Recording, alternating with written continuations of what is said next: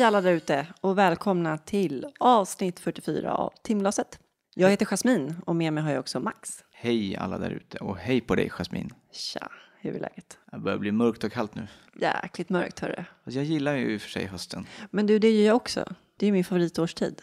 Det är lite tid till eftertanke liksom. Man sitter och filosoferar med tända ljus och te eller kaffe eller varm choklad. Man får sitta inne efter en sommar när man ska vara ute hela tiden. Vad brukar du göra under den här årstiden då Max, när mörkret faller på? Än så länge så kan man ju fortfarande vara lite ute men man börjar ju verkligen gå in i idet nu. Det blir lite så, eller hur? Man är verkligen inomhus fram till mars. Eremit liksom. Ja, men man har ju vant sig vid det. Det är ju mest när det är som snöigast liksom. Men ändå, det börjar bli kallt. Det är inget kul alltså, men det är som det är. Men du, eh, ska vi inte ringa Jocke? Det tycker jag. Jocke jobbar ju på Invacare som är ett internationellt hjälpmedelsföretag som tillverkar allt ifrån rullstolar, gånghjälpmedel, sängar till ja, andningshjälpmedel. Bra grejer helt enkelt. Ja, Invacare Joakim. Hej Jocke, det är Jasmin från Timglaset här. Hejsan, hejsan, Hej. Jasmin. Hur är det med dig? Jo, men du, här är det fint. Det rullar på som man brukar säga. Ja, det är alltid lika kul att säga. Ja, men precis. Det var ett dåligt skämt i sammanhanget. Jag ber om ursäkt. Nej. Man säger så automatiskt, konstigt nog. Det är ju jag Ja. också. Det är ju ett uttryck alla använder. Det är bara lite roligt. Precis, precis. Mm. Men som sagt, du, vi har ju pratat en hel del, Jasmin, du och jag, om Kurchal och vi har pratat om rullstolar och alltihopa.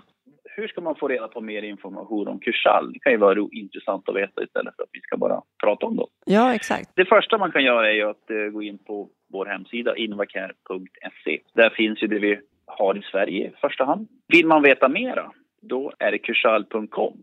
Där finns precis allt vad Kursal kan erbjuda om produkterna, allt sånt. Man kan bli medlem i Kursal Club som innebär att man får information, allt möjligt som innebär kostnadsfritt förstås. Man kan göra din egen stol på Kursals hemsida. Vi pratar färger på ram, länkhjul, allt sånt. Det är ju faktiskt jätteviktigt.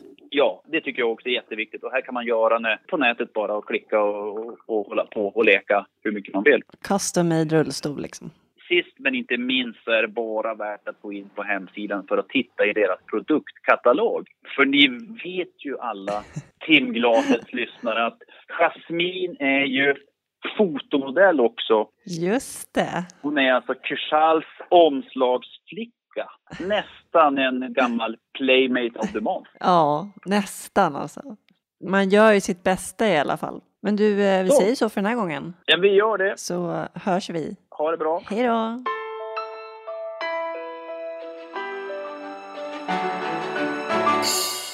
Idag får ni möta Wenke som vi intervjuade tidigare i somras. Hon drabbades av polio som treåring, även kallat för barnförlamning och blev förlamad i armarna i sviterna efter polion. Under en stor del av sin eh, barndom så bodde hon på institution.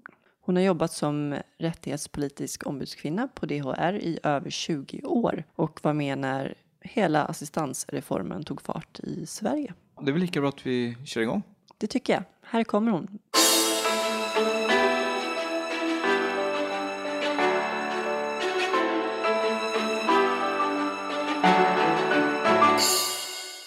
Välkommen till timglaset Wenche. Tack. Hur är läget med dig? Det är bra. Fortfarande semester. Det är min sista semester. Alla säger vadå, sen får du ha semester hela tiden. Kommer att gå i pension nästa månad. Hur känns det? Och det känns jättekymigt faktiskt.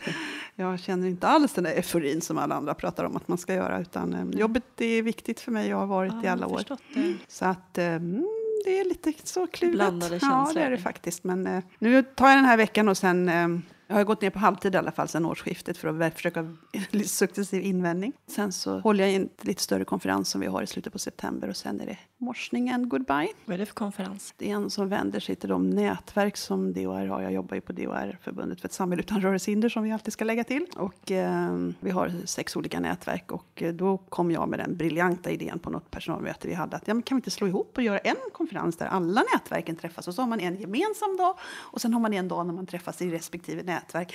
Ja, jättebra idé tyckte alla. Kan du hålla i den? Så åkte jag på det jobbet, men det har jag ingenting emot. Så att, eh, men så är det ju ofta om man kläcker någon idé så får man vara beredd att ro den i land också. Ja, men det kanske blir ett bra Ja, avslut det då, blir liksom mitt, ja, det tror jag. Det blir jättebra. Hur har din sommar varit hittills? Den har varit lång tycker jag. Jag mm. vet inte varför. Jag sa till min dotter, jag pratade med henne igår, gud vad länge jag har varit ledig känns det som. Men det är inte längre än vad jag brukar vara ledig, men det är min femte vecka nu. Jag har varit två veckor, min första två veckor var vi nere i Malmö. Jag har två barn och fyra barnbarn, alltså och deras familjer då, nere i Malmö. Så vi brukar så intensiv umgås ett par veckor under sommaren. Så det har vi gjort och sen har vi varit sväng ner i Sankt Annas skärgård. Vi åker husvagn sedan några år tillbaka och det är sådär helt otippat att vi, ja men skulle någon ha sagt det för ett antal år sedan att ni kommer bli husvagnsägare så hade jag sagt kan inte tro. Men det gör vi och så har vi två jyckar så det var väl lite grann det vi skyllde på att det var lite enklare att resa med när man skulle ta in någonstans och så när man har husvagn. Och sen har vi blivit så lite husvagnsfreaks, tycker det är jättetrevligt och lite småmysigt. Det är lite släppa omkring på sin egen lilla lekstuga ungefär. Men är inte så här otillgängligt tänker jag? För mig funkar ju sånt för det mesta. Nu gjorde jag en rejäl vurpa här under semestern. Jag ramlade, man går ju ner för en trapp och jag har normalt sett inte problem att gå i trappor men jag har blivit lite ostadig och lite slarvig kanske också. Så att eh, jag klev ner på första trappsteget och på något vis så tappade jag fotfästet. Och det är två trappsteg, en sån här husvagnstrappa och jag for från översta trappsteget med ansiktet rakt ner i den där mattan. Fastnade med foten i trappen och gjorde mig så illa så att nu är det inne på tredje veckan och jag har fortfarande så ont så att jag funderar på borde jag kanske ändå ha gått till doktorn och kolla vad jag gjorde om jag möjligtvis går omkring med någon spricka i benet eller något. Men, ja, men annars så tillgänglighetsperspektiv så är jag ju lite ovanlig ovanlig på det sättet eftersom det som stoppar mig är tunga dörrar. Saker som ligger högt placerade, det når ju inte jag. Jag når i höfthöjd kan jag nå saker, sen når jag ingenting. Och eh, jag kan inte betala med kort i parkeringsautomater. Och sen så har jag ju rent personligt ett behov av assistans med mina egna göranden och låtanden då. Du föddes i Norge 1950. Ja, ja det gjorde jag. En norsk mamma och dansk pappa. Min pappa kom till Norge efter kriget för att då fanns det inga jobb i Norge. Och så hittade han jobb och sen så förlorade han ett vad och därför träffade han min mamma. Det var liksom familjens roliga historia. Två unga danska pojkar sitter på ett tåg i Norge, ser två snygga tjejer. Båda vill ha den ljusa tjejen. De drar sticka, min pappa förlorar, han torskar på den mörka tjejen. Så reser sig tjejerna upp och då hörde till saken att de här danska pojkarna var sådär typ 1,65 långa. Och då var den ena tjejen typ 1,72 och min mamma var 1,60. Och då tyckte min pappa ändå att han hade vunnit eftersom han hade ju aldrig stått ut att ha en tjej som var längre än honom själv.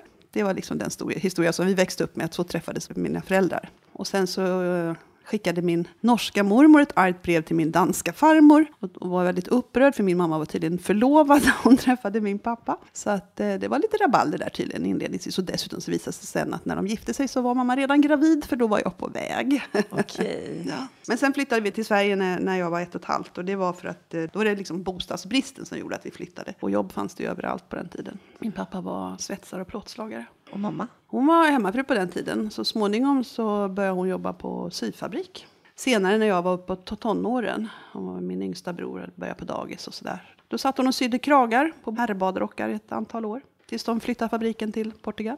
Hur många syskon har du? Två yngre bröder. Jag grät när min yngsta bror Kurt föddes. För att jag insåg att tåget var kört. Jag skulle aldrig få någon syster. Jag önskade mig en syster. Pojkar bara slåss, hade jag sagt till min mamma och pappa. Sen fick jag ju själv då två pojkar innan jag fick en dotter.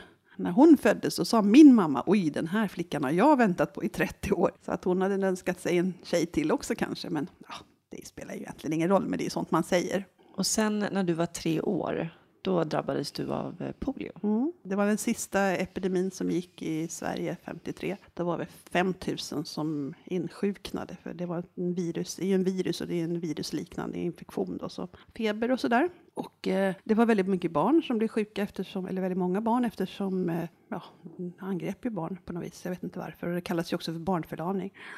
Och eh, vi bodde i ett litet samhälle i Västergötland som heter Nossebro.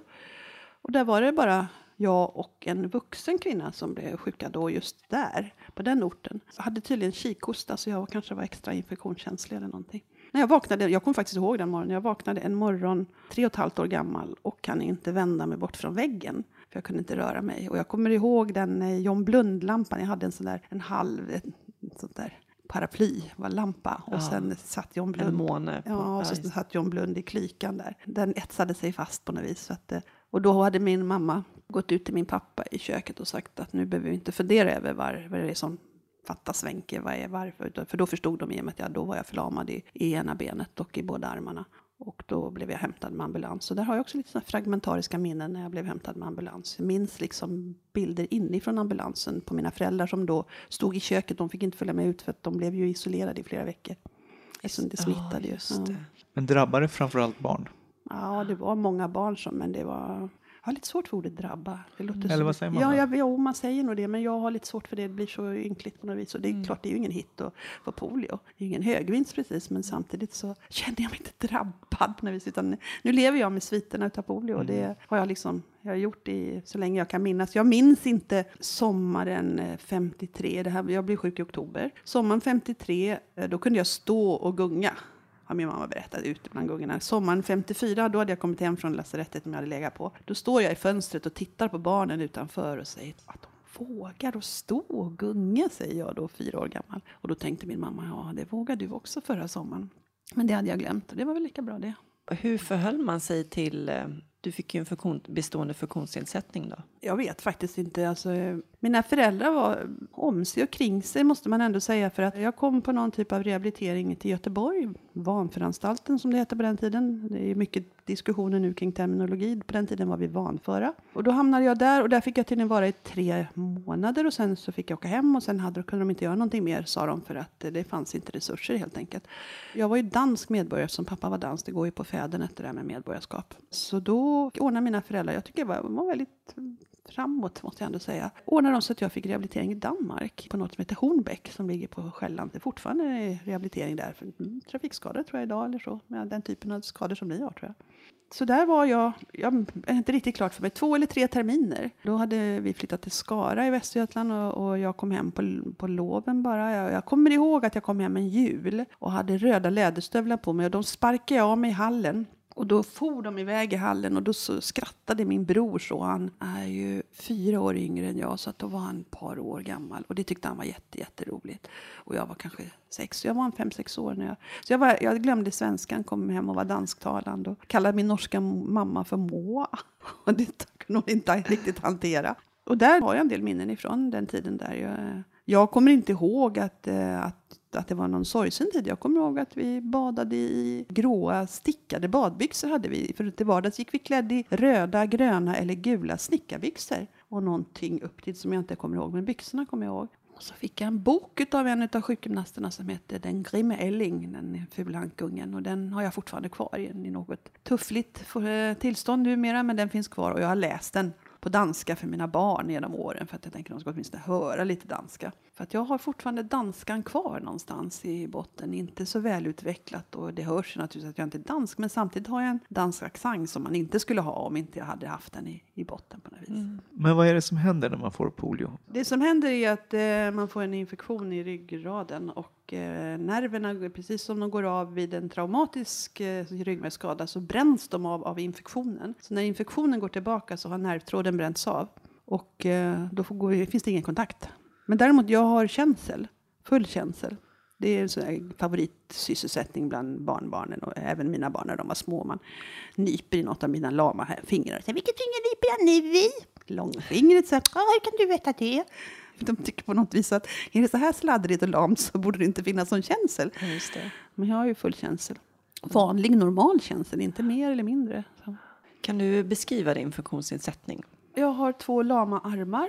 Jag brukar säga, jag kan använda höger hand lite grann. Jag har blivit sämre måste jag säga på senare tid. Det är väl sånt typiskt postpolio som kommer. Man får räkna med. Jag har blivit svagare och fått svårare och med den lilla rörlighet jag hade har blivit sämre. Så jag har fått lite svårare att göra saker som jag ändå har kunnat gjort som när jag skriver på datorn och sådär så måste jag numera ha en ortos på mig för att få till det. Och jag skriver med ett finger. Vad är en ortos? Ortos är en sån mjuk som håller en, ja, som man trär på och drar åt. Alltså det kan ju vara korsetter och ortoser. Ja, runt, alltså en, den, runt en handled? Ja, sådär. precis. Okay. Ja. Mm. För övrigt så går jag ju till synes helt obehindrat. Jag har haft polio i ena benet men det är inget som direkt, ja lite kanske det syns. Jag slänger lite med ena benet men jag inbillar mig att inte det syns så mycket jag brukar säga ibland när jag eh, är ute och pratar, säger jag, men jag kan rycka på axlarna och det är himla användbart för man kan säga, jag har ingen aning kan man säga och så kan man rycka på axlarna. Så att, eh, men, men det är väl ungefär där och det gör att jag kan slänga iväg med mina armar. Även min allra lamaste kratta kan jag slänga iväg och använda som lägga på något som inte ska blåsa bort och sådär. Men jag har ingen annan användning för den i övrigt. Så att jag kan inte använda den till något. Så det var lite fånigt för förra våren. Då bröt jag vänsterarmen. Ramlade hemma Eh, snubbla över en puff i vardagsrummet. Helt befängt. Den har ju stått där jämt. Du har ju inget att ta emot med Nej, jag faller ju som en fura. Jag har visserligen fått lära mig att böja knäna. Det lärde mamma mig när jag var liten. Böj knäna, Wenche. Böj knäna när du ramlar för att jag inte skulle falla raklång.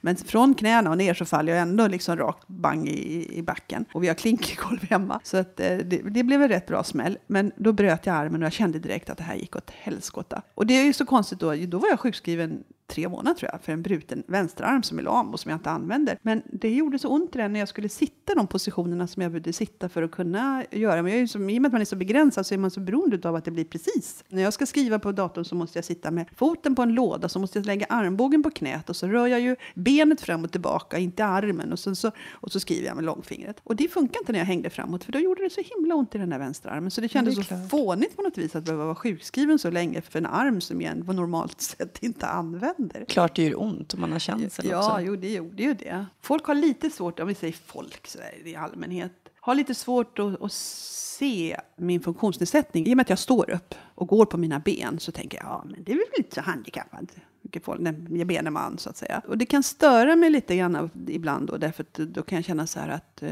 då får de svårt att förstå varför går jag omkring och släpar på en assistent hela tiden. Så att ibland så känner jag ett behov av att rättfärdiga det på ett sätt som jag egentligen inte tycker om att jag känner. Men man känner ju saker fast man inte tycker om att göra det. Men jag förklarar att ja, jag behöver liksom hjälp. Jag kan eh, Alltså sitter jag i, till exempel i bilen eller så, då kan jag inte lyfta upp handen och klia mig på näsan. Det kan jag göra om jag sitter på en stol. Då kör jag någon variant med att jag använder benen och får upp armen på det viset. Men jag kan inte gå på toa själv, jag kan inte klä på mig själv, jag kan inte torka mig när jag duschar, jag kan inte tvätta håret. Alltså jag klarar inte alla de här eh, personliga grejerna. Plus att jag sen inte kan göra så mycket för övrigt utav sånt här som, eh, jag menar, jag lägger ut bilder på mina bakade brön på Facebook. Det är ju faktiskt inte jag som har bakat dem, det är ju mina assistenter. Men det är jag som har bestämt vad som ska vara i. Ja, det är jag som har bestämt precis hur det ska vara. Det är jag som dessutom slätar till dem med en slickepott i munnen innan vi skjutsar in dem i ugnen. Ja, men jag får ju också hjälp när jag lagar mat och mm. bakar, men jag mm. säger att det är jag som gör mm. det. Och så när jag har assistenter närvarande, då säger jag,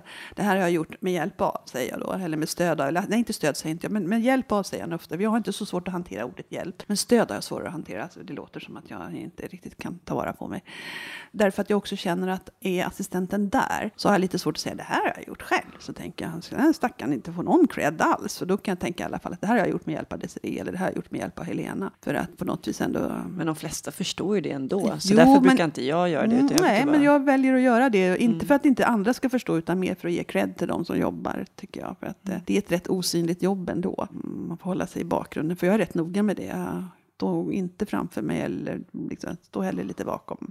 Jag menar, när jag är på jobbet till exempel så vill inte jag att mina assistenter sitter och tar över hela liksom, situationen i, i lunchrummet till exempel. När jag, den få dagen eller enda dag, nu är det bara en dag i veckan jag är på jobbet. De får ju gärna sitta med och äta med mina kollegor om de vill, men det är mina kollegor. Jo, mm. men det är gränsdragningar. Mm. Det är ju mm, väldigt mm. viktigt för ens mm. egen identitets skull också. Hur gjorde du innan 94 då, innan assistansen fanns? Jag har ju levt med eh, hemtjänst först.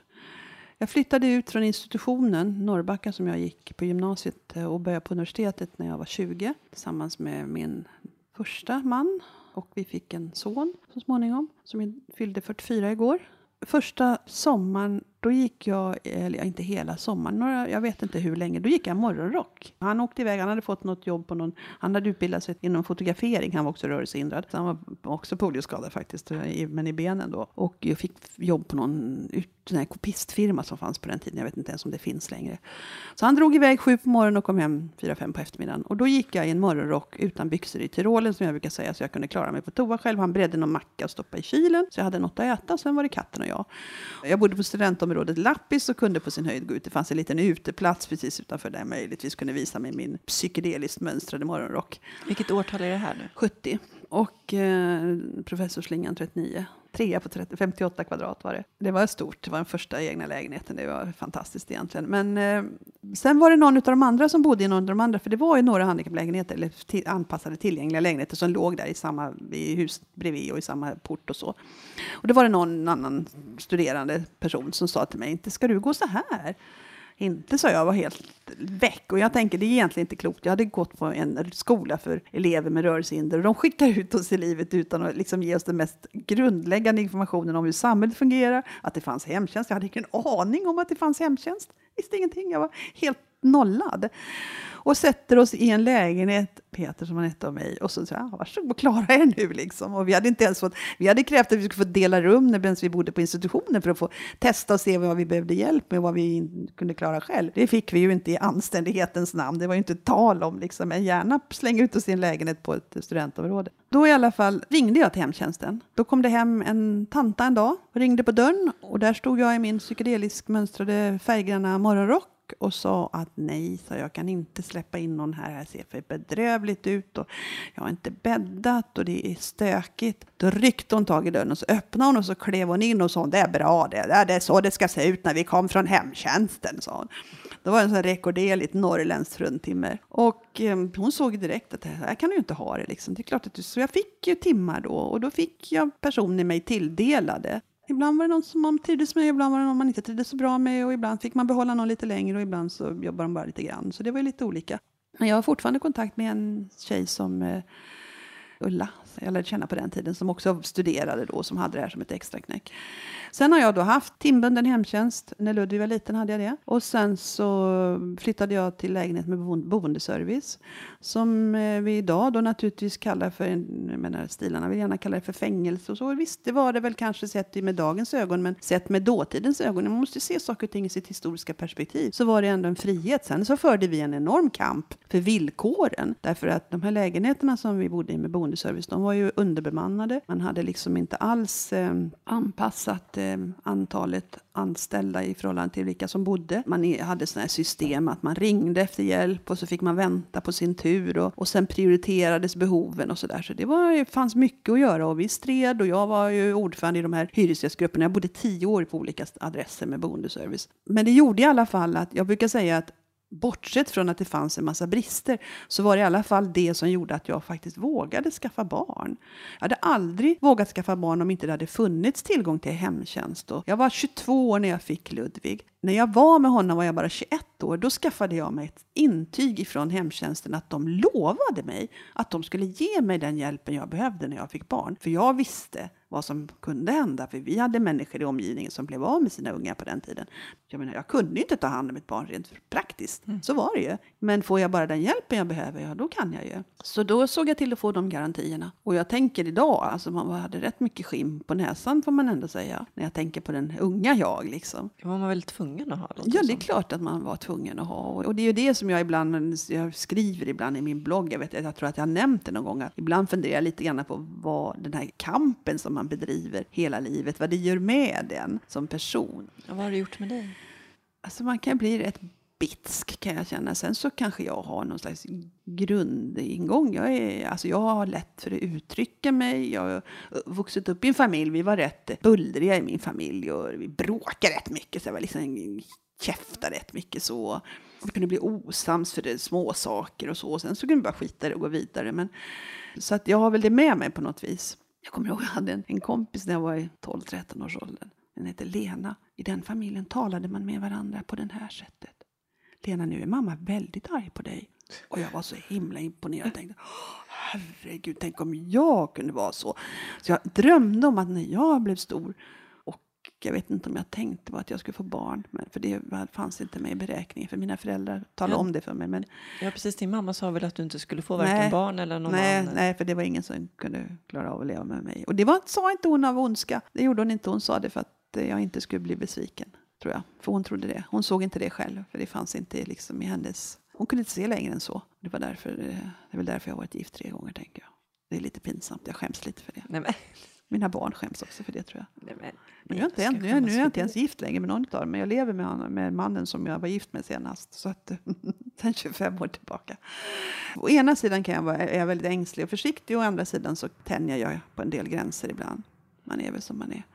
Mamma brukade säga att hon har varit viktig för mig genom åren. Nu lever hon inte längre men eh, å ena sidan som hon inte trodde på mig så var hon väldigt stolt och samtidigt så tyckte hon att hon, alltså, hon tyckte att jag hade ändå kommit långt också. Att såg det lite grann som eh, att jag faktiskt hade min funktionsnedsättning. För jag ser det här ändå som en ned... Med tanke på den diskussionen som förs idag på sociala medier kring terminologin så eh, ja, jag är fortfarande inte riktigt hemma där. Eh, utan jag ser det här som en funktionsnedsättning i förhållande till vad jag hade innan och i förhållande till vad de stora flertalet har. Och jag ser ingen problem i att det är en nedsättning av någonting. Jag kan inte göra vissa saker som andra kan göra. Vi tänker likadant. Ja. Så jag är helt på din sida där ja. också. Vilket inte innebär att jag på något vis tycker att det är något medicinskt fel på mig eller att det är på att du tillskriver mig att det ska, man medicinskt skulle kunna liksom reparera mig utan man måste naturligtvis göra samhället eh, tillgängligt för, för människor som oss. Så det är på olika sätt. Då. Om jag säger funkis, vad säger du då? Nej, jag är inte riktigt för funkis faktiskt. Det är lite, jag vet det är lite glittigt som de säger i Skåne. Det känns ja, lite tramsigt. Det är lite nedvärderande faktiskt. Ja, ja, jag har inget, inte så. Jag tycker bara det låter lite så. Ja,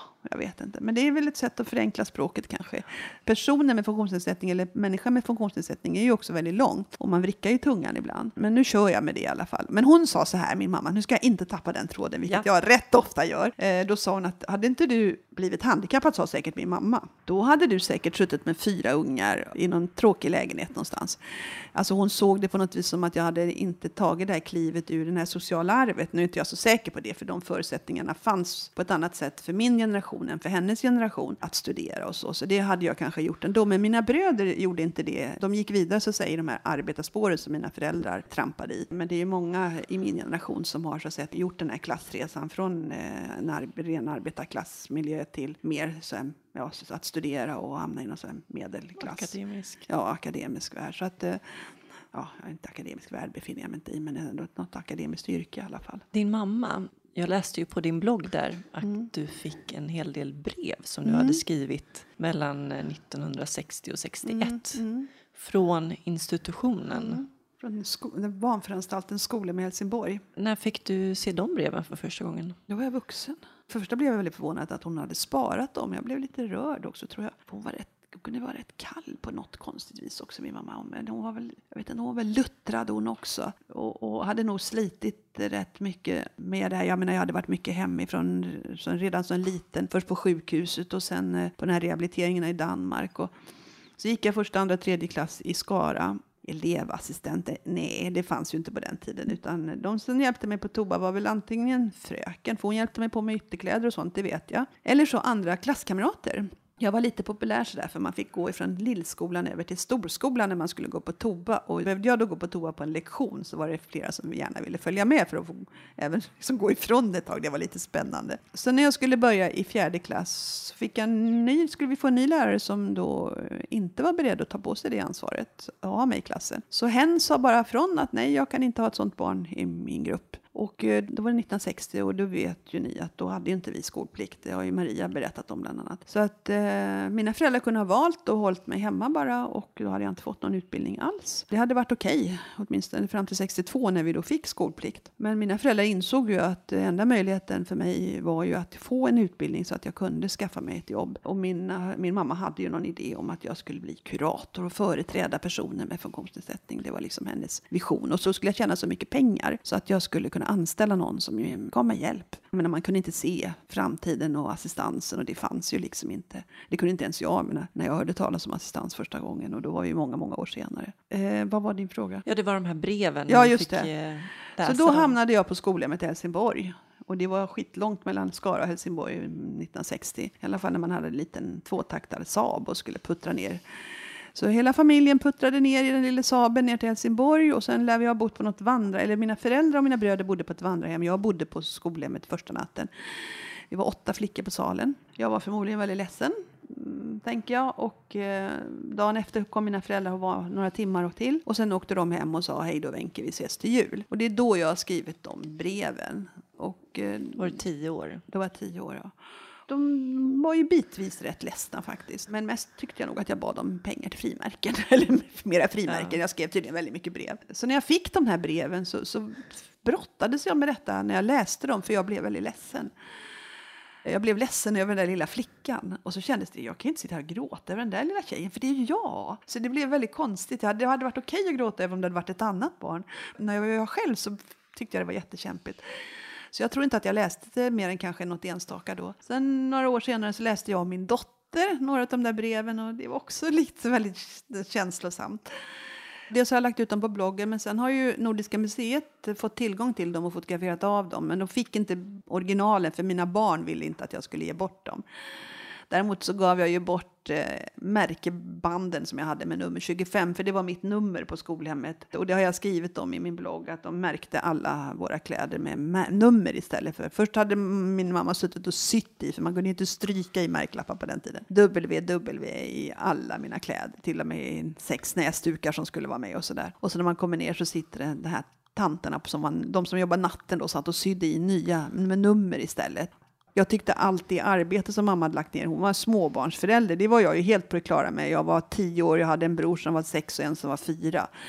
Hon hade minsann häcken full ändå. Och så hade hon suttit och sytt i alla de där lapparna, små, små WW, i alla de här plaggen och näsdukarna och alltihopa. Och så sitter de och gör om det. Så tyckte jag det var helt ogjort allt det jobbet hon hade gjort tyckte jag. Så jag blev liksom sårad och hennes vägnar på något vis. Och de gjorde ju inte det av någon slags ondska eller så, utan det var bara de rutinerna de hade. Så att när jag sen fick möjlighet att få lägga rabarber på de där banden långt, långt senare, när jag hittade dem i ett skåp eh, i ett korttidsboende i Helsingborg som vuxen, så tog jag dem och tänkte det är ingen annan som ska ha de här banden. Vad menar, vad menar du med banden? Nej, det var band med, med nummer 25, 25, 25, 25, så klippte de av ett i sänder. Så det var ett band med, med nummer 25 i ett oräkneligt antal så att säga. Och sen så klipper man av ett nummer i taget och syr i, i varje plagg. Då. Mm. Jag undrar, jag har skrivit ut ett citat. Kan du tänka dig att läsa det? Mm. Eh, från ett av breven. Ja, får se om jag hanterar det. För det är faktiskt lite knepigt. Ja. Hej mamma, tack för brevet som du skickade. Har du fått det första brevet som jag skickade till dig? Om du har det så ser du att stilen är ful. Det var för att jag var så ledsen. Mamma, om du skickar en underkjol till mig så behöver du inte namna den, för de sätter nummer på kläderna. Jag har nummer 25 på mina kläder. Mamma, någon gång kan ni försöka komma till mig. Vet ni om pappa kan få jobb någonstans nere igenom här? Det fick han så småningom. Och då kunde jag få komma hem varje helg. Så att, eh, sen var jag kvar på skolhemmet ända till jag var 17. Det är lång tid. Ja, alltså. Men jag bodde, bodde där i veckorna och åkte hem på helgerna. Det måste ju göra en stor skillnad. Ja, det var en stor skillnad. Absolut. Sen blev det lite splittrat då, för jag gick i skolan i Helsingborg också. Eller ja, naturligtvis eftersom jag var där i veckorna. Och jag gick eh, fram till sjätte klass på skolhemmet. Sen hade inte de längre. Så att egentligen så borde jag ju då ha flyttat hem när jag skulle börja sjuan. Men eh, min mamma hade börjat jobba. Och det fanns ingenting som hette hemtjänst som hjälpte eller elevassistent eller sånt då. Så att, eh, för att jag skulle kunna fortsätta gå i skolan så fick jag bo kvar på skolhemmet. Då fick jag lite gräddfil faktiskt. Jag fick ett jättefint litet eget rum med en egen liten hall och fick en egen toalett. För det var något gammalt personalrum. Och det var så himla gulligt det där rummet för det hade snedtak och ett stort fönster med massor med spröjs. Och så fick jag komma och gå lite. Jag hade helt andra tider än de andra och så. så att, eh, och så hade jag alla mina skolkamrater i Helsingborg och så åkte jag hem över helgerna och då umgicks jag ju bara med familjen. På det viset så, jag hade några enstaka kompisar i Helsingborg men jag, det blev liksom aldrig något helgröj som tonåring i Helsingborg utan det fick jag ta igen sen när jag kom till Stockholm när jag var 17. Det var ju så att när jag skulle börja sjuan då var det det har ju varit förändringar i skolsystemen också. Då var det något som hette enhetsskolan. Så då gick jag sjuan i enhetsskolan. Då hade man missat att man skulle sökt in till läroverket för mig, för det var man tvungen att göra på den tiden. Så då upptäckte de det när jag skulle börja åttan, om det var när, ja, på något vis så upptäckte de det, för då kom nämligen grundskolan och då fick jag gå om åttan, så jag gick åttan två år. Och då kom jag in i grundskolan och då kunde jag komma vidare i gymnasiet och på det viset fick jag behörighet att läsa på universitetet. Men när jag skulle, sen hade läst ut nian, då skulle jag börja gymnasiet. Då hade vi fortfarande inte blivit svenskar. Varken man, mina, alltså mina föräldrar då och inte vi heller, vi barn. För att mina föräldrar höll dörren öppen ifall att jag skulle möjligtvis plugga i Köpenhamn. Men då kom jag in i, då började jag på Norrbacka i Stockholm och då sa min mamma att nu flyttar vi inte med dig Wenke, sa hon. Och då sa jag nej tack, sa jag då, för det ville inte jag då som 17-åring, utan då ville jag liksom bryta mig loss. Så då gjorde jag det och då, det blev ju rätt så mycket röj-röj när man kom till Norrbacka och där gick jag sen gymnasietiden. Från när jag var 10 till jag var 20 så bodde jag mer eller mindre då på olika institutioner. Hur blev du behandlad? Bra. Det måste jag ändå säga.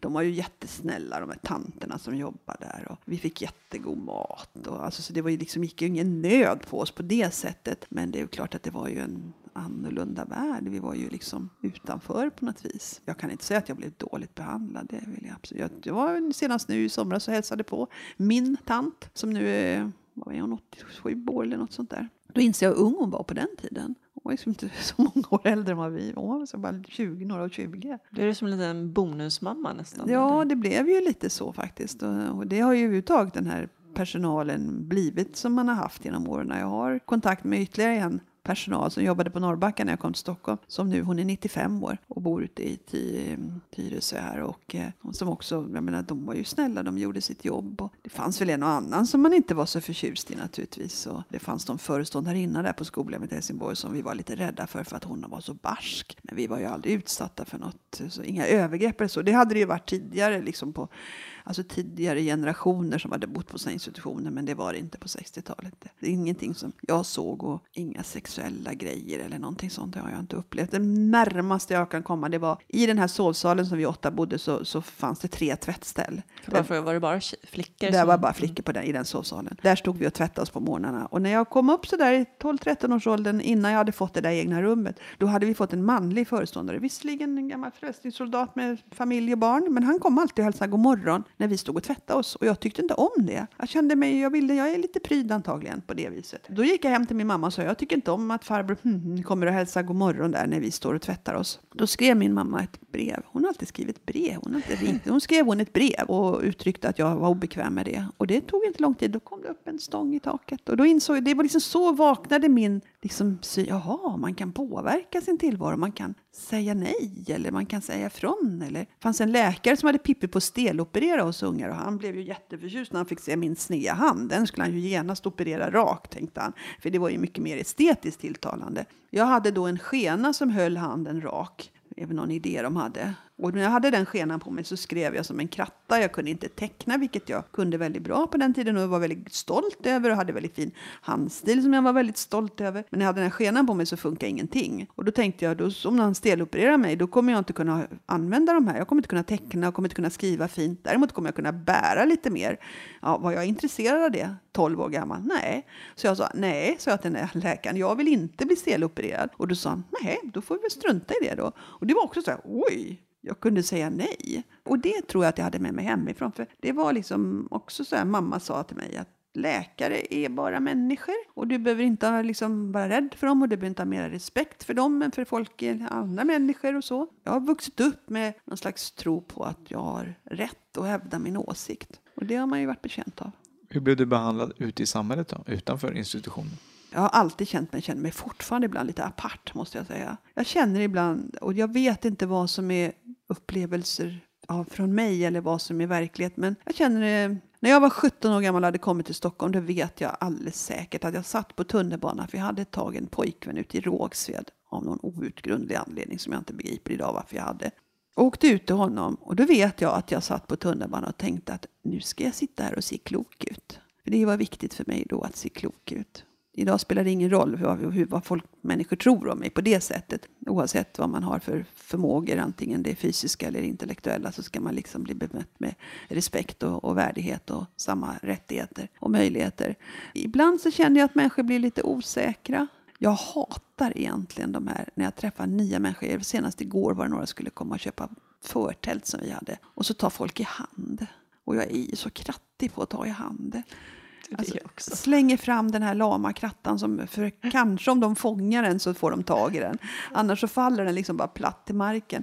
Och ibland så bryr jag mig inte ens om att slänga fram krattan utan jag bara säger "Haha, jag är inte så bra på det säger jag. Det är liksom en standardfras. Det bästa jag varit med om i den vägen det var en karl som när jag sa så här, jag är inte så bra på det. Då slet han tag i handen och sa, men det är jag, sa han. Och det var så bra. Men sen har man ju liksom råkat ut för ja, folk som har klappat det på huvudet istället eller Åh, så. nej. Men det är inte så ofta. Men jag menar, det är liksom... Vi, vi har diskuterat det där en del, hur man ska hälsa Ja, på folk. och jag, när jag kommer in i ett rum där det sitter människor, och så säger jag hej hej, Wenche heter jag, säger jag. Och så beter jag mig som att jag har ingen aning om att man ska gå runt i en lokal och säga hej hej och ta alla i hand. Jag tänker jag skiter i det. Jag kan inte det. Jag, det. jag är obekväm i den situationen. För övrigt så är jag inte säker på om människor bemöter mig utifrån min funktionsnedsättning eller utifrån att jag har ju förmågan att prata med alla människor. Jag kan sätta igång ett samtal i vilken kö som helst. Senast var det på campingen i Källbukten, så efteråt så tänker jag, varför sa jag det? Då står en människa bredvid mig som är lika kort som jag. Och då blir jag så inspirerad. Så, oh, en människa som är lika kort som jag, sa jag till henne då. Då kan ju människor bli så här, alltså vi är ju rätt så reserverade, många svenskar, och blir så här, gud vad påflugen hon är då. Och jag vet när barnen var små så var vi ute och käkade middag en söndag. Vi hade ätit färdigt och så sitter alla barnen på andra sidan i en soffa och lilla syster sitter i mitten och så bröderna på varsin sida. Och då så säger jag till pojkarna så här, alltså fattar ni att er syster hon skäms för sin mamma, för mig? Och de blev jätte Lutar sig över sin lilla syster och ryter åt henne. Va? Skäms du för mamma? Hon tittar liksom på den ena brodern och så tittar hon på den andra. Och, och så tittar hon på mig på andra sidan bordet och så tittar hon igen på sina bröder och så säger hon med en liten ynklig röst. Ja, hon pratar ju så himla mycket. Och det var så roligt att se för då bröderna från att vara så upprörda så hmm, just det. Och så tittar de på mig alla tre så bekymrat liksom. Då tänkte jag att man kanske drar helt fel slutsatser i många lägen. Det kanske inte alls handlar om eh, det jag tror, utan det handlar om helt andra saker. Och jag är också en sån som kan säga till folk om saker. Så det är ibland så säger, nu säger du ingenting, säger folk till mig. Mina, mina barn och även min man kan säga så, nu är du tyst. nu säger du ingenting. Så får man knipa käft ibland. På det stora hela så, bortsett från att jag känner mig lite apart så tycker jag ändå att jag blir rätt bra bemött.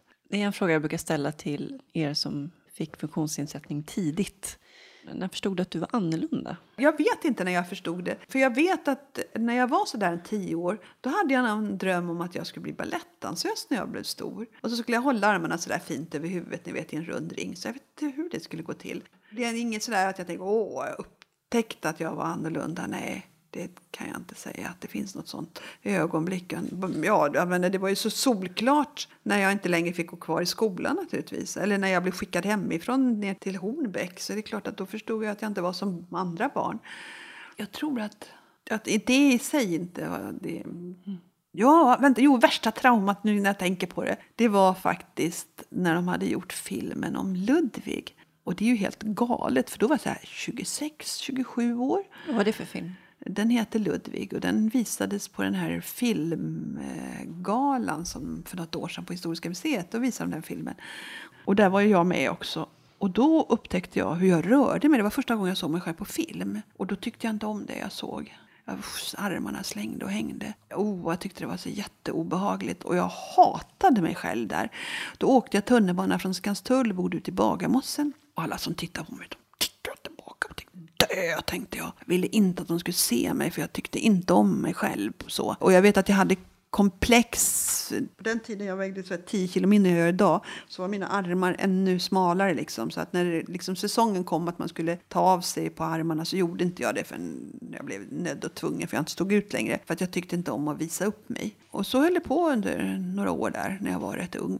Tills att jag någonstans bestämde mig för att nej, det här är fånigt. Om någon tittar på mig så gör de det för att jag har något snyggt på mig eller för att jag är snygg i håret. Eller jag bara bestämde mig för att ha det förhållningssättet. Men jag var inte purung sådär, det var jag inte. Utan eh, kanske var 25-30 någonting. Men hur var det då när du kom till Stockholm och Norrbacka? Och... Det var rajtan tajtan vet ja. du. Mycket festa, mycket killar, tjo, så mycket lite studier blev det. Du har alltid haft eh, bra självförtroende? Nej, inte alls alltid. Nej, jag hade uselt självförtroende. Men efterhand så har jag väl Tuffare till på det. Ja, det tycker jag. Jag har väl sånt där vanligt som vi tjejer har. Alltså man tror att man hela tiden ska bli avslöjad. Alltså snart så inser någon att jag är egentligen bara en fejk. Alltså, är det inte lite så typiskt? Va? Jag tror det tyvärr. Nu börjar jag känna mig lite ålderstigen lite mossig. Mina kollegor säger alltså Wenche, du är bara så mycket 80-tal, säger de. Och då känner jag att det är ingen komplimang.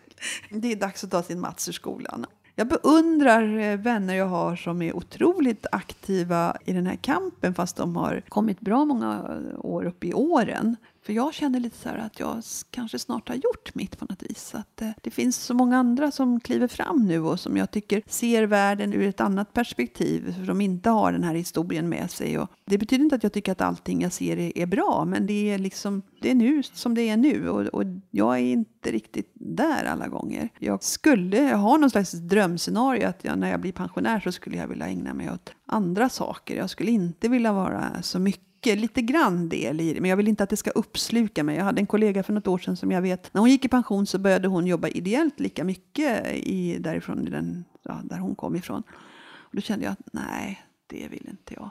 jag vill inte fortsätta driva den här kampen. Jag tycker ändå att den tar en del på krafterna. Den är ju så himla långsam och segdragen. Och jag känner mig lite så här, ja men kom igen, det där gjorde vi ju på 70 80-talet. Liksom, måste vi göra det igen. Vad alltså, menar du med kampen? Alltså, vad är... Kampen för rättvisa, jämlika villkor som jag inte tycker ändå. Jag tycker ändå inte att vi är mål där. Alltså, när, så länge man inte kan ta sig in överallt och så länge människor mister insatser och rättigheter man har haft eller borde ha. Och man måste ta strid och man måste liksom koppla in jurister och eh, man lever i ovisshet. Och jag hade ju världens ångest innan jag fyllde 65 förra året. För jag tänkte nu kommer Försäkringskassan och tar mig och snor mig på min assistans, men det gjorde de inte. Och, och, samtidigt, de kan ju gå in även när man har fyllt 65 om man har ändrade villkor. Jag vet inte vad menar de med ändrade villkor.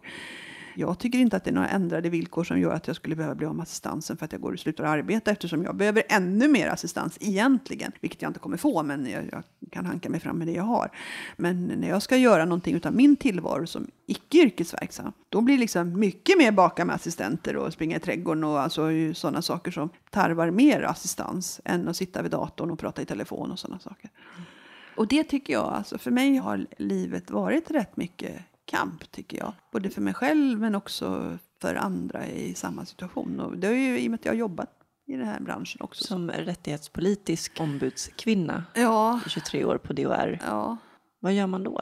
När vi fungerar som vi borde fungera och när det, när det fungerar bra så så är vi en organisation som företräder människor med i första hand nedsatt rörelseförmåga. För det är ju den nischen som DHR har historiskt och borde ha. Och eh, sen så har vi ju mattats med åren och eh, det ser inte alltid ut i verkligheten ens i DHR som vi skulle önska att det gjorde. Och många som eh, fanns med i den här kampen har inte kanske det har ju ändå hänt någonting, det har ju ändå blivit bättre. Jag menar, assistansen innebar ju en väldigt, alltså en revolutionerande förändring för många av oss, så var det ju självklart. Det har blivit tillgängligare i, i byggd miljö, även om vi inte är i mål där än. Men det, men det händer saker. Det går bara för långsamt för att jag är en otålig människa. Det är ett politiskt arbete och jag har ju varit väldigt, trivts väldigt bra med det och tycker att det är ett viktigt uppdrag vi har. Det har gjort att jag har känt en enorm tillfredsställelse med mitt jobb och jag har fått jobba med frågor som har engagerat mig och jag har fått eh, jag har varit involverad i internationellt arbete både i Norden och också i länder i syd som har varit otroligt givande tycker jag. Jag är otroligt mån om att vi behåller den statliga finansieringen av assistansen. För det gör, ger oss också en frihet att kunna liksom faktiskt, även om det inte alltid är så lätt, men vi har teoretiskt möjligheten att flytta från en kommun till en annan och det har jag jag ju faktiskt gjort ett par gånger med assistans. Och på det viset erbjudit andra personer arbetstillfällen och inte kommit kanske som en belastning utan jag har kommit med statliga pengar och kunnat anställa personer. Istället för att komma med mössan i hand till kommunen och säga att nu är jag här, kom och hjälp mig, jag kostar pengar. Usch vad besvärligt. Den kampen, eh, den pågår och den tar aldrig slut känns det som. Och det, det är därför att vi måste hela tiden försvara och hela tiden vara på tårna. För det är ingen annan som gör det här åt oss. Vi ska inte tro att det finns någon annan som kan göra det här åt oss heller, utan det, det handlar om våra självupplevda erfarenheter. Och det är därför som man måste vara en del i det här, känner jag, därför att det, annars är det någon annan som går in och talar för oss och då blir det inte som vi vill ha det. Vi kommer fortsätta efter pensionen också misstänker jag. Jag är rädd för det också, men jag vill inte det egentligen. Jag vill ju knippla, vill jag inte. jag ska, nej, vi får väl se vad det blir som det blir. Jag har inte, jag har inte, jag, jag har inte riktigt jag ska åka till Spanien två veckor efter jag har blivit pensionär. Min bror har köpt en lägenhet där nere så den ska vi låna, min gubbe och jag. Vart i Spanien? Ja, Alicante någonstans där, spanska mm. solkusten. Det heter någonting som jag inte kommer ihåg just nu. Det är alldeles nybyggt. När jag landade där någon gång i mitten på oktober det enda jag vet att jag ska göra nu är att jag ska istället för att träna bara på måndagar så ska jag gå och träna på onsdagar också. För det är något sånt som jag upptäckt att jag tycker är kul numera. När jag var barn tyckte jag inte det var kul för då hette det sjuk gymnastik. Och jag var inte sjuk för det tycker jag inte att jag är, brukar säga. Vad är det för fel på dig brukar folk säga. Så är det inget fel på mig. Jag är nästan aldrig ens förkyld brukar jag säga. för det är sant. Men eh, jag gillar att träna för att eh, ja, jag känner att jag mår bra av det. Så det ska jag göra en gång till i veckan. Det är det enda jag kan komma på. Faktiskt, det är hemskt. Nej, det är jättebra tror jag. det kanske, jag tänker att det ger sig. Min dotter har bara sagt att mamma, sitt bara inte hemma i mjukisbyxor och var osminkad. Så att eh, nej, jag kanske ska faktiskt tänka på det och sminka mig och kanske inte gå och hasa som man gör när man har helg hemma.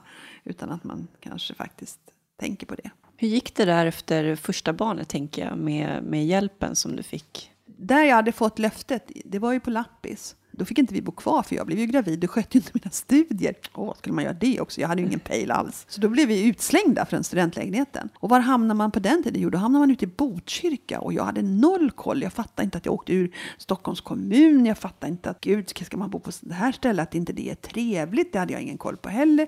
För jag plötsligt satt i den här betongsmeten ute i Norsborg och jag bara kände hjälp, här vill inte jag bo. Det var jätteläskigt i alla fall så hade jag fortfarande så pass mycket skinn på näsan så att jag fick hjälp där ute också. Och då fick jag hjälp från 10 på morgonen till 2 på eftermiddagen.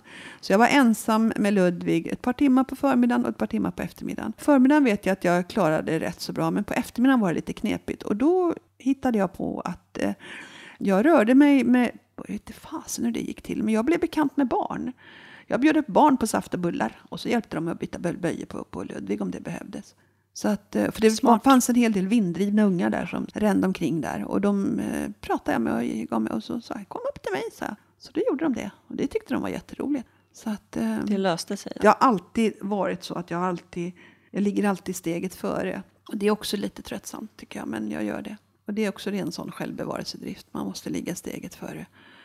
Och det gör jag också i, i mina instruktioner till människor. Men om man hjälper mig med någonting så säger jag nästa sak därför att jag är redan där. Vilket också innebär att jag rätt glömmer där jag är därför att jag är inte där jag är utan jag är redan någon annanstans. Kommer du ihåg när du fick beröm senast? Ja, igår. Av min gubbe helt otippat för han är inte den som berömmer mig så ofta. Men jag är så oerhört praktisk. Och han är så opraktisk. Men han har så svårt att lyssna på mig. Men igår så, de där som skulle köpa det här förtältet, de köpte ju aldrig det. Utan de åkte iväg igen, för de var inte, det var inte det de ville ha. Och så skulle vi försöka vika ihop det där förtältet och få ner det i påsen. Och då vet jag i teorin precis hur man gör. Och det vet inte han. Men igår så lyssnade han på mig. Och så hjälpte jag till så gott jag kunde med mina fötter. Och så blev det skitbra. Och då sa han det. Vad bra du är på sånt. Och det är jag faktiskt. Och det är både bra att vara praktiskt. Men det är också frustrerande för när man ska ibland assisteras av människor med tummen mitt i handen så får man ju spader. Man ska instruera liksom, ja. in i minsta detalj. Ja, och är det då någon som dessutom inte är så bra på att lyssna utan säger att du är ju en jättedålig pedagog så kan det bli lite rörigt. Men så får jag beröm på jobbet ibland av min chef. Det får jag faktiskt. Han är snäll på det viset. Vad är lycka för dig?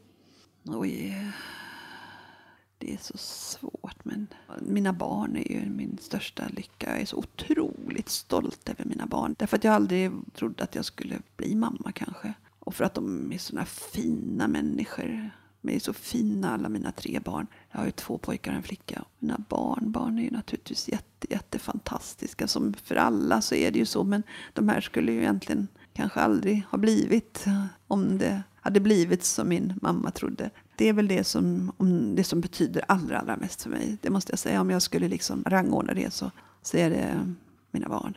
Vad gör dig arg? Usch, alldeles för mycket gör mig arg. Jag brukar säga att eh, vreden är min drivkraft har jag sagt. Alltså, jag är en sån som jag blir arg om jag blir, jag, jag, kan bli lätt förfördelad. Alltså om jag blir missförstådd kan jag bli arg. Jag kan bli arg om andra blir illa behandlade. Så är jag en sån där som springer inte chefen och skäller och säger att nu får vi ta tag i det här för det här kan vi inte ha det. Och sen blir jag arg över ja, sånt som jag ser när, när människor far illa. Så. Jag vill också kalla uh, ilskan för vrede, för jag tycker vrede låter vackert. Och då hävdar jag att vrede har varit min drivkraft i situationer där man kanske kunde ha gett upp istället. Så har jag tänkt, nej, så fan heller. Och då hämtar jag kraft i det. Vad betyder frihet för dig? Jag känner sån enorm frihet när jag kan eh, sätta mig i bil och köra iväg mellan punkt A och punkt B. Någon har klätt på mig, eller hjälpt mig att klä på mig på punkt A. Någon kanske måste hjälpa mig att klä av mig på punkt B eller på att gå på toaletten. Men mellan punkt A och punkt B, då är jag fri. Hur kör du bil? Jag kör med fotstyrning och så har jag ett gäng funktioner i nackstödet och så har jag några paneler här nere på högerkrattan som jag kan använda. Och så kör jag som attan för jag tycker det är fortfarande kul att köra bil. Och min första bil köpte jag 1988 och det var en stor Volvo kombi för då var ungarna små och skulle få plats tillbaka och så. Och med någon kompis och någon mormor eller någonting så vi hade sådär extra säte längst bak. Och sen har jag haft två Oplar efter det och nu har jag min sista bil eftersom man inte får ombyggnad efter man har fyllt 65. Den tog jag ut 2011 och det är en Saab. Jag var tvungen att äga en Saab en gång i livet för min pappa var en Saab-freak så jag har vuxit upp med Saab. Och den har nu gått 16 och ett halvt. Så att det är nästan så jag känner att jag måste gå i pension så att jag inte sliter ut min bil. Jag är så kär i min bil. Om du fick leva om ditt liv, skulle du göra någonting annorlunda då? Oh, det var en svår fråga. Ja, det skulle man säkert göra. Det förutsätter ju att jag vet vad som har hänt idag. Om jag inte visste det, då skulle jag förmodligen göra precis samma misstag. Men om jag var medveten om vilka misstag jag har gjort, för det har man ju, för det gör ju alla människor, så skulle man säkert göra det. Men annars så jag är rätt så nöjd med mitt liv. Jag tycker att jag kan leva i stort sett som många andra. Alltså alla människor har ju förutsättningar och möjligheter och begränsningar. Det är klart att eh, min funktionsnedsättning begränsar mig, det gör den ju i vissa avseenden. Även frihetsreformen, assistansen begränsar mig i vissa avseenden faktiskt. Men eh, jag skulle nog inte göra så mycket annorlunda, jag tror inte det. Nej.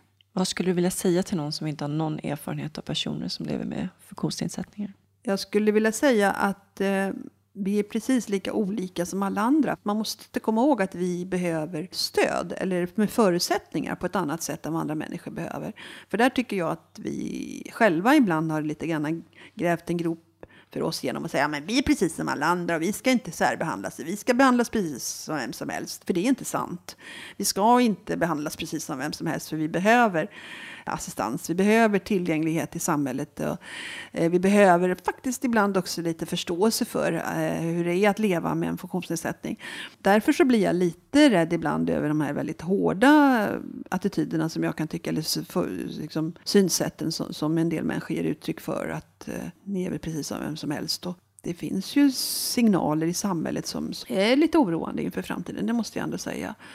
DHR har ju som organisation genom, för många, många år sedan tagit, liksom varit emot det här med fosterdiagnostik och dödshjälp och sådana saker. Och, och jag måste säga att eh, jag tycker att det har varit svåra frågor att ta ställning i för mig som person. Men när man ser den utvecklingen och de, det som händer nu så, så, så, måste jag säga att det är otroligt skrämmande med där det känns på något vis som att man väljer bort livet på grund av att man har ett, en svår funktionsnedsättning och kanske därför att man inte får det, de resurserna man behöver för att kunna leva ett bra liv och känna att man är meningsfull och värdefull och inte en belastning. För det är det jag kan känna, det som har gjort att assistansen är så otroligt viktig för oss det är att vi kan leva med människor utan att känna att, alltså också med nära och kära, att inte vara en belastning för dem. Det tycker jag är det som jag skulle vilja förmedla. Att våga liksom ändå hävda att vi är som vem som helst, men vi behöver lite extra av någonting. Det som, ja, det som det då är. Men det skiljer sig också åt från individ till individ. Så att det går ju alldeles, finns liksom inget facit på det. Utan det måste var och en få formulera vad det är. Vad behöver du och vad behöver du och vad behöver jag? Men vi behöver det och vi måste ha liksom samhällsresurser och stöd för att få det. Jag tror ju på en gemensamt finansierad välfärd som inte är direkt så att säga så att man måste hela tiden liksom vara försäkrad för att ifall det händer någonting. Och, för då är det alltid människor som trillar utanför. Och det tycker jag är orättfärdigt. Om det händer någonting så ska alla kunna ha den här. Men assistansersättningen, det är en reform som är en försäkring för vem som helst som hamnar i den här sitsen. Och det, det är så det ska vara. Vi är inte framme än. Därför jag menar, kampen tar aldrig slut. Tack så jättemycket Wenche för att ja. du kom och delade med dig av din livshistoria. Tack för att jag fick komma.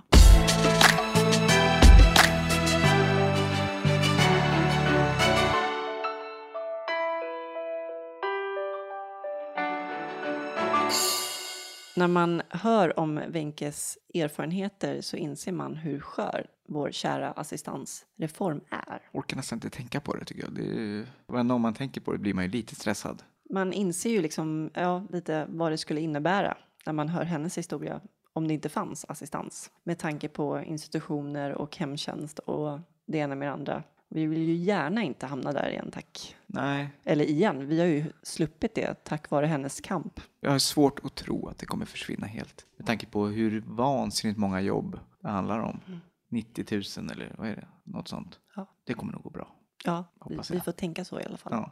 Ni vanligt folk där ute kan ju förstå vår ångest efter att ha hört det här kanske, vad det skulle innebära för oss att inte få leva med assistans. Verkligen. En tanke. Så uh, om ni känner någon politiker där ute kan du få lyssna på dem några avsnitt och höra lite hur vi har det. Ja, precis. Tipsa om oss, skitbra. Så mm. alla politiker får höra hur det är.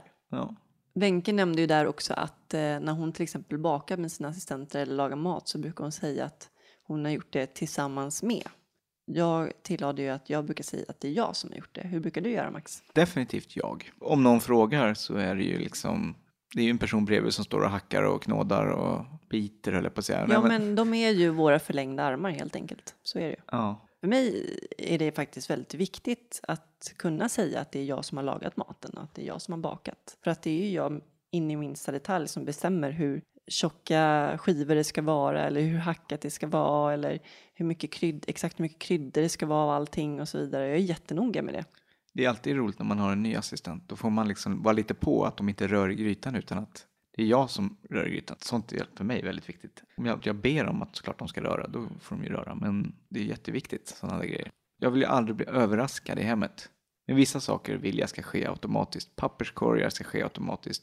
Bäddning av säng ska ske automatiskt. Du har väl också sådana rutiner? Absolut. Det är ju jag som ska ha koll på det ändå kan jag tycka. Liksom. Om jag ser att någon inte har bäddat sängen så kan jag ju lite snyggt säga ja du kan väl bädda innan vi gör det här och det här. De är ju som sagt så himla självgående ändå. Ja, men du har ju haft dina i 408 år Ja. också. Det är också en klassiker. Framförallt i början när man anställer nytt så vill gärna folk liksom hjälpa till med, det kan bli lite för mycket, att de liksom vill påminna en om saker. Mer i plånbok nu, har jag varit med om flera gånger. Om man är så här, men om jag råkar glömma den, då är det mitt problem, inte ditt. Då får du hjälpa mig att hämta den sen. Jag måste få ha ett eget ansvar att kunna glömma saker. Ja, det är klart. Du kan ju tänka själv. Ja, precis.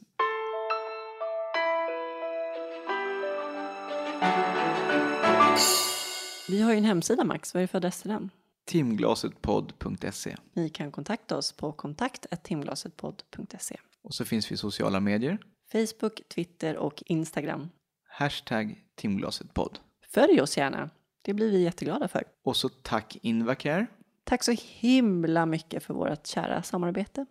Vem är det som kommer i nästa avsnitt? I nästa avsnitt så får ni möta Olof. Olof drabbades av en hjärnhinneinflammation när han var sex månader och fick en hörselskada. Han började dansa redan när han var tre år och har studerat på flera olika konsthögskolor och dansskolor. Nu jobbar han som dansare och koreograf och driver sin verksamhet Olof Persson Projects i Göteborg. Mer om honom nästa vecka. Lyssna då. Ha det fint så länge. Ha det bra. Hej då.